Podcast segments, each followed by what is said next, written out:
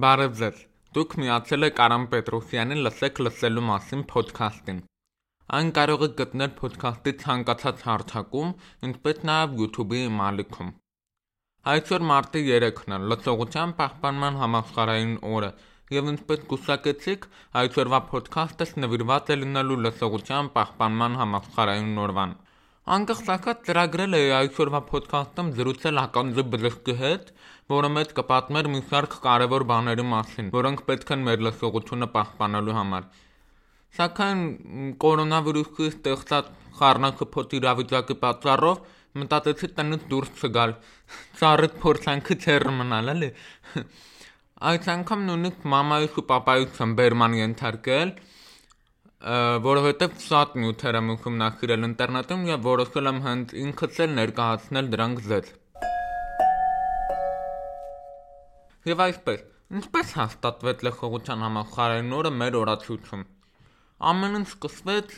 2007 թվականի մարտի 3-ին, երբ Չինաստանի մայրաքաղաքում Պեկինում գիտնականները եւ բժիշկները մի միջազգային գիտաձողով անցկացրեցին, որի գլխավոր թեման լսողության խանգարումների կանխարգելումն էր ու լսողության վերականգնման խնդիրներն էին։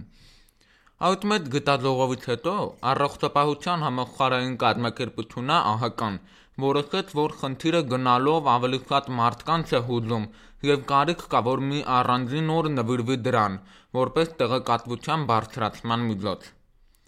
Եվ ընտրվեց հենց այդ կոնֆերանսի օրը՝ մարտի 3-ը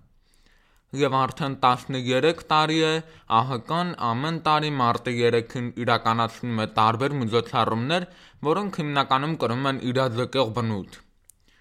Այդ արշավին միացել են տարբեր երկրների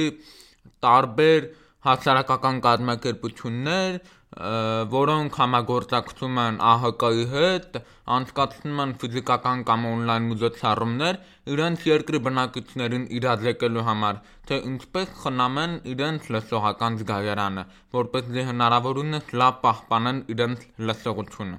Միգուցե ձեզ թվա, որ այդ օրը մարտի 3-ը միայն լսողության կորից չունեցող մարդկանց համար է, բայց իրականում միայն լսողության խնդիր չունեցողների համար չէ լծողության կորուստ ունեցողների համար էլ շատ-շատ կարևոր է ականջի ճիշտ հիգիենան եւ խնամքը, որպեսզի նրանց լծողությունը ել ավելի չվատթարանա։ Էլ ցածեմ, որ հենց այսօրն են անցկացվում այդ թեմայով արդիգիտալողովները,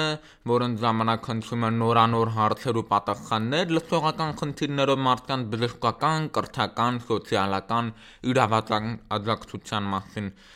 Հենց մեծ մոտ էլ այսօր կոնֆերանս է անցկացվել։ Քիթ կոկորտ ականջաբանների հայաստանյան ասոցիացիան էր կազմակերպել դոկտոր Սուքուրյանի ղեկավարությամբ։ Մեր արաբկիր բժշկական համալիրն էլ էր մասնակցում, նաև մայրիկս Հավատ ՀԿ-ից։ Վերադառնամ ԱՀԿ-ին։ Ամեն տարի առողջապահության համաշխարհային կազմակերպությունը նոր նշանաբան է հնչեցնում մարտի 3-ի համար։ Այս տարվա լսողության պահպանման համաշխարհային օրվա նշանաբանն է լսելը կյանքի համար։ Մի թող լսողության կորուստը սահմանափակի քդ։ Իսկ օրինակ 2019-ին նշանաբանն այսպես էր. Ստուգիր լսողությունդ։ 2019-ին Առողջապահության համաշխարհային կազմակերպությունը թողարկել էր հատուկ ծրագիր սմարթֆոնների համար, որի միջոցով մարդիկ կարող են ստուգել իրենց լսողությունը։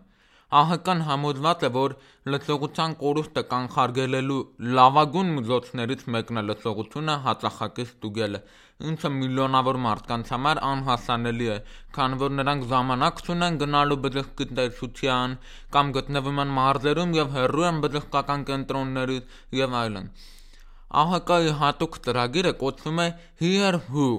որն արդեն բավական մեծ հաջողություն է գրանցել եւ հատուկ ձեզ համար էլ դրա հղումը անպայման կտեղադրեմ ոդքասթից նկարագրության հատվածում։ Իսկ օրինակ 2015-ին այսօրվա նշանաբանն էր դարձնենք լսելն ապահով։ Վերջին տարիներին մեծ հետազոտություններ անելուց հետո առողջապահության համախառային կազմակերպությունը որոշեց 2018-ի մարտի 3-ի օրվա նշանաբանը դարձնել լսել ապագան եւ հայտարարեց, որ աշխարհում 1 միլիարդ երիտասարդ լսողության կորեստի ռիսկ ունի։ 1 միլիարդ Պատկերացնում եք դա ինչ թիվ է։ Աշխարհում մոտ 8 միլիարդ մարդ է ապրում,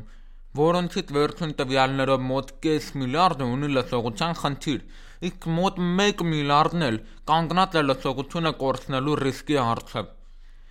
Եվ 2018-ին ԱՀԿ-ն հայտարարեց այն մասին, որ ապագայում ամեն 10 մարդուց մեկը կունենա լսողության խնդիր, եթե հիմա չսկսենք լսելու մշակույթի հեղափոխություն, ինչը կարող է տեղի ունենալ տեխնոլոգիաների եւ սարքերի միջոցով, քանի որ մարդիկ հենց դրանցով են լսում երաժշտություն։ Առողջապահության համաշխարհային կազմակերպությունը ներկայացրել է 4 բան, որ պետք է ունենան այն սարքերը, որոնք կուզենան ապահովել իրենց օգտագործողների լսողության պահպանումը։ Առաջին բանն այն է, որ այդ սարքերն ունենան ձայնի թույլատրման ֆունկցիա, որը հատուկ ալգորիթմով կորոշի, թե ինչքան եւ ինչ բարձրության երաժշտություն պետք է լսի օգտագործողը։ Երկրորդ բանն այն է, որ այդ սարքերը հատուկ ալգորիթմերի միջոցով վերլուծեն կոնկրետ այդ սարքի միջոցով երաժշտություն լսողի նախասիրությունները, լսողության աստիճանը եւ արդյունքներից ելնելով լսողին առաջարկեն երաժշտություններ, որոնք կհամապատասխանեն նրա նախասիրություններին եւ ապահով կլինեն լսողի լսողական զգայարանի համար։ Ապահով երաժշտություն ընդհանրապես նշանակում է, որ վնաս չի տա կամ էլ շատ աննշան, շատ փոքր վնաս կտա լսողությանը։ Իսկ վնաս լինում է այն ժամանակ, երբ երաժշտության ձայների հաճախականությունը ցափից բարձր է, կամ էլ հենց երաժշտության ձայնն է ցափից դուրս բարձր։ Երրորդ բանը, որ առողջապահության համաշխարհային կազմակերպությունը կարծում է, որ այդ սարքերը պետք է անպայման ունենան, դա ձայնի սահմանափակման կարգավորումներն են, որոնք կարող են կարգավորվել եւ ավտոմատ կերպով, եւ հենց օգտագործողի միջոցով։ Եթե նույնիսկ տվյալ սարքը միջոցով երաժշտություն լսողն անչափահաս է, ապա այդ կարգավորումները կարող են կարգավորվել նրա ծնողների կողմից, ովքեր կորոշեն թե ինչ երաժշտություն, ինչ բարձրության հաճախականությամբ եւ ինչ տևողությամբ երաժշտություն լսի իրենց երեխան։ Չորրորդ բանն էլ, որ այդ սարքերը պետք է ունենան, դա ընդհանուր իրազեկման ֆունկցիան է, որը parberabar օգտագործողին կհիշեցնի բոլոր կանոնները լսողության պահպանման համար եւ այլն։ Միգուցե դուք հիմա մտածում եք, թե հա լավ, հիմա որ շարքեր նաուսնիկներ արտադրող ընկերություններն են համաձայնվելու ԱՀԿ-ի հետ ու իրանց շարքերի մեջ ներառան այդ source հատկությունները։ Ես էլ կասեմ, որ 2019 սեպտեմբերին Աշխարհահռչակ Apple ընկերությունը հայտարարեց իր սարքերում Առողջապահության համաշխարհային կազմակերպության նշած հատկանիշները ներառելու մտադրության մասին, և այդ ուղղությամբ արդեն աշխատանքներ ու հետազոտություններ են տարվում Միչիգանի համալսարանի բժշկական դպրոցում: Եթե մոտ ապագայում Apple-ի հեռախոսներում և ժամացույցերում տեսնեք նոր մի ծրագիր կամ այսպես ասած, «նախտրոյկա» ձեր լսողությունը պահպանելու հետ կապված, ապա չզարմանաք։ Ես համոզված եմ, որ շուտով այդ քայլին կդիման Samsung-ն ու մնացած հեռախոս նաուսնիկ արտադրող ընկերությունները։ Ասածս այն է, որ ամեն տարի մարտի 3-ին Առողջապահության համաշխարհային կազմակերպությունը իրականացնում է միջոցառումներ, որոնց գաղափարն ուղղված է լինում տվյալ տարվա նշանաբանին։ Այս տարվա նշանաբանն էր՝ մի թող լսողության կորուստը քեզ սահմանափակի եւ կարծես թե միջոցառումները հիմնականում իրազեկելու էին լսողության խնդիր ունեցող մարդկանց ներառման, նրանց հնարավորությունների մասին։ Սակայն անկեղծ ասած համացանցում չտեսա ինչ-որ միջոցառում, որ անցկացվել էր այս տարի ԱՀԿ-ի կողմից։ Միգուցե դրա պատճառը կորոնավիրուսն է, որը ԱՀԿ-ն հիմա տարված զբաղվում է միայն այդ կորոնավիրուսի տարածումը կանխարգելելով եւ բուժելով։ Նկատի ունեմ, որ ավելի շատ միջոցառումներ է ակնկալում, չնայած դեռ օրը չի ավարտվել, արդեն վաղվանից երևի կլինեն իրադարձությունների մասին պատմող նյութերը։ Այսքանը այն մասին, թե ինչ է լսողության պահպանման համաշխարհային օրը, ովքեր են կազմակերպում դա, ինչպես է անցկացվում եւ ինչ խնդիրներ է լուծում։ Հիմա ուզում եմ լսողությունը պահպանելու համար մի քանի խորհուրդ փոխանցել ձեզ որոնք ոչ առաջին անգամ են հնչում, ոչ էլ վերջին։ մենք պետք է այդ խորհուրդները անընդհատ հյուսենք եւ անընդհատ պատմենք այլ մարդկանց, որպեսզի մարդիկ հնարավորինս առողջ լսողություն ունենան։ Եվ առողջապահության համաշխարհային կազմակերպության ապագայի սարսափելի կանխատեսումը, որ ամեն 10 մարդուց մեկը լսողության խնդիր կունենա, չիրականանա։ Մենք պետք է հետևենք մեր լսողության զգայարանի ականջի հիգիենային եւ խնամենք մեր լսողությունը աչքի լույսի պես եւ պետք է անպայման իրազեկենք բոլորին լսողության պահպանման մասին։ Տեսեք, օրինակ, յուրաքանչյուր ոք գիտի, որ պարկած կարդալը կամ էլ շատ երկար էկրաններին համակարգիչ նայելը վտանգավոր են տեսողության համար բայց արդյոք բոլորն են տեղեկացված, իրազեկված, որ օրինակ բարձր երաժշտություն լսելը կամ էլ անընդհատ ականջակալ նաուսնիկ հագնելը շատ վտանգավոր են լսողության պահպանման համար։ Ես այդքան լավ չեմ լսում, բայց մայրիկս միշտ անհանգստանում է։ Ասում է մեր զահելները հետո են գալու, թե ինչ վնաս են կրել նաուսնիկներից։ Ասում է տրանսպորտում նայուսնիկները խցկում են ականջները ու այնքան բարձր են միացնում երաժշտությունը, որ բոլոր ուղևորները լսում են։ Ուրեմն ամենաառաջին եւ ամենակարևոր բանը, որ դուք պետք է իմանաք ձեր լսողության պահպանման համար, դա աղմուկից հնարավորինս շատ խուսափելն է։ Աղմուկ միայն չի նշանակում մանկապարտեզի երեխաների աղմուկ աղաղակ Դա նաև նշանակում է հենց նույն բարձր երաժշտությունը, տարբեր կենցաղային շարքերի դրոցը, գլուսիտելը հանած ավտոմեքենաների ոռնոցը փողոցներում, օրվա տարբեր ժամերին։ Աղմուկից խոցափելու շատ ձևեր կան։ Եթե ձեր աղմուկը երաժշտություն է կամ էլ համակարգչից ինչ-որ վիդեոյի աղմուկ, ապա այդ տեսակի աղմուկից խոցափելու ամենապարզ մեթոդը պարզապես տվյալ շարքի ձայնը ըցացնելն է։ Ընդհանրապես, ինչքան ցածր լինի ձեր տեխնիկայի ձայնը, այնքան ցածր կլինի լսողության կորստի հավանականությունը։ Եթե աղմուկը գալիք է շրջապատից կամ ձեր շենքի կողքը ինչ-որ շինարարություն է կամ էլ ձեր մասնագիտությունն այնպեսին է, որ անընդհատ աղմուկային միջավայրում եք, օրինակ կարի արհեստանոցում կամ ֆաբրիկայում, ապա անպայման ձեր ականջներին հագցրեք հատուկ ականջակալներ, որոնք կխլացնեն աղմուկը եւ ձեր ականջը շատ մեծ ծնցման տակ չլինի։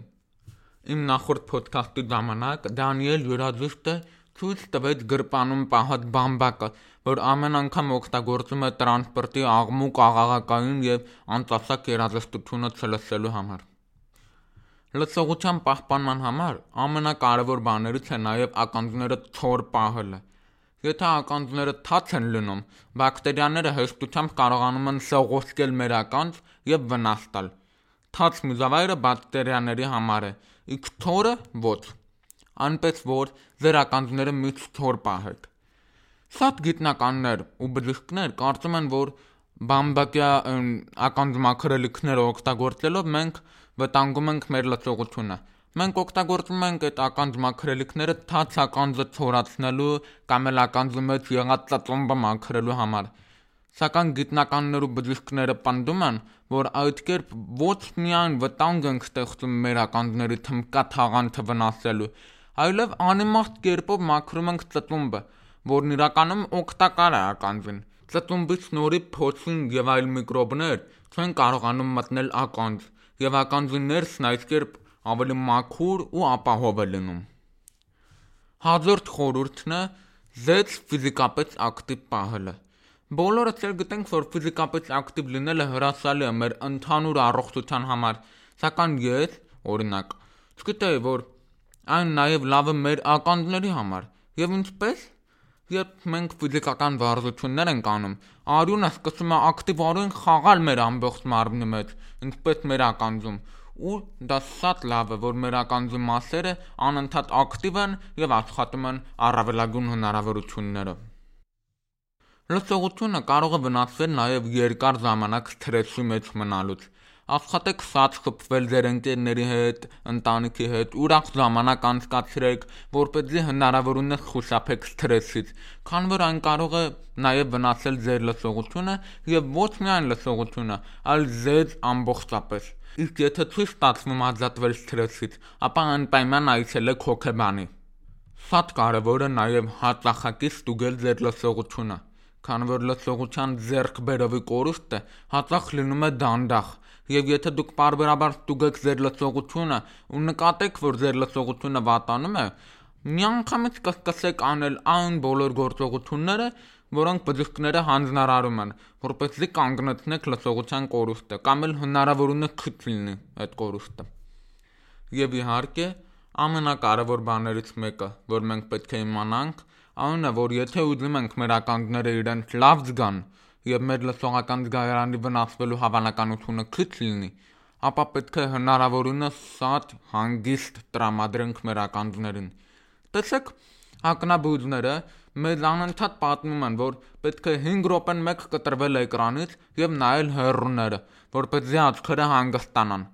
Նույնն էլ էստեղը, Եթե դուք գտնվում եք ինչ-որ աղմկոտ փաբում կամ հարսանիքի եք, ապա աշխատեք 15 րոպեն մեկ կամ նույնիսկ ավելի հաճախակի ձեր ականջները ականջակալով փակել կամ էլ երեկույթից դուրս գալ կարճ ժամանակով, որպեսզի նրանք հասցնեն հանգստանալ։ Հետազոտողները նույնիսկ հայտնաբերել են, որ մի աղմկոտ երեկույթից հետո ականջները կարիք են ունենում միզունում 16 ժամ հանգստի։ Պատկերացնում եք Եվ եւս մեկ շատ կարևոր խորհուրդ.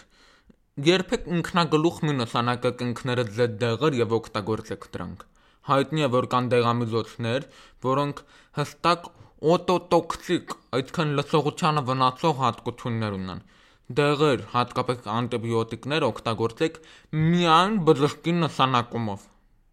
Սրանք են այն խորհուրդները, որ ուզում եի փոխանցել։ Աշխատեք հետևել դրանց, պատմել նույն բանը բոլորին, որպեսզի մենք մեր լսողության զգայարանը պահպանենք եւ լավ լսենք կյանքը։ Խուսափեք աղմուկից եւ սթրեսից, ականջները մաքուր եւ ցոր պահեք, ֆիզիկապես ակտիվ եղեք, ականջներին բավարար հանգիստ տրամադրեք եւ եղեք զգոն։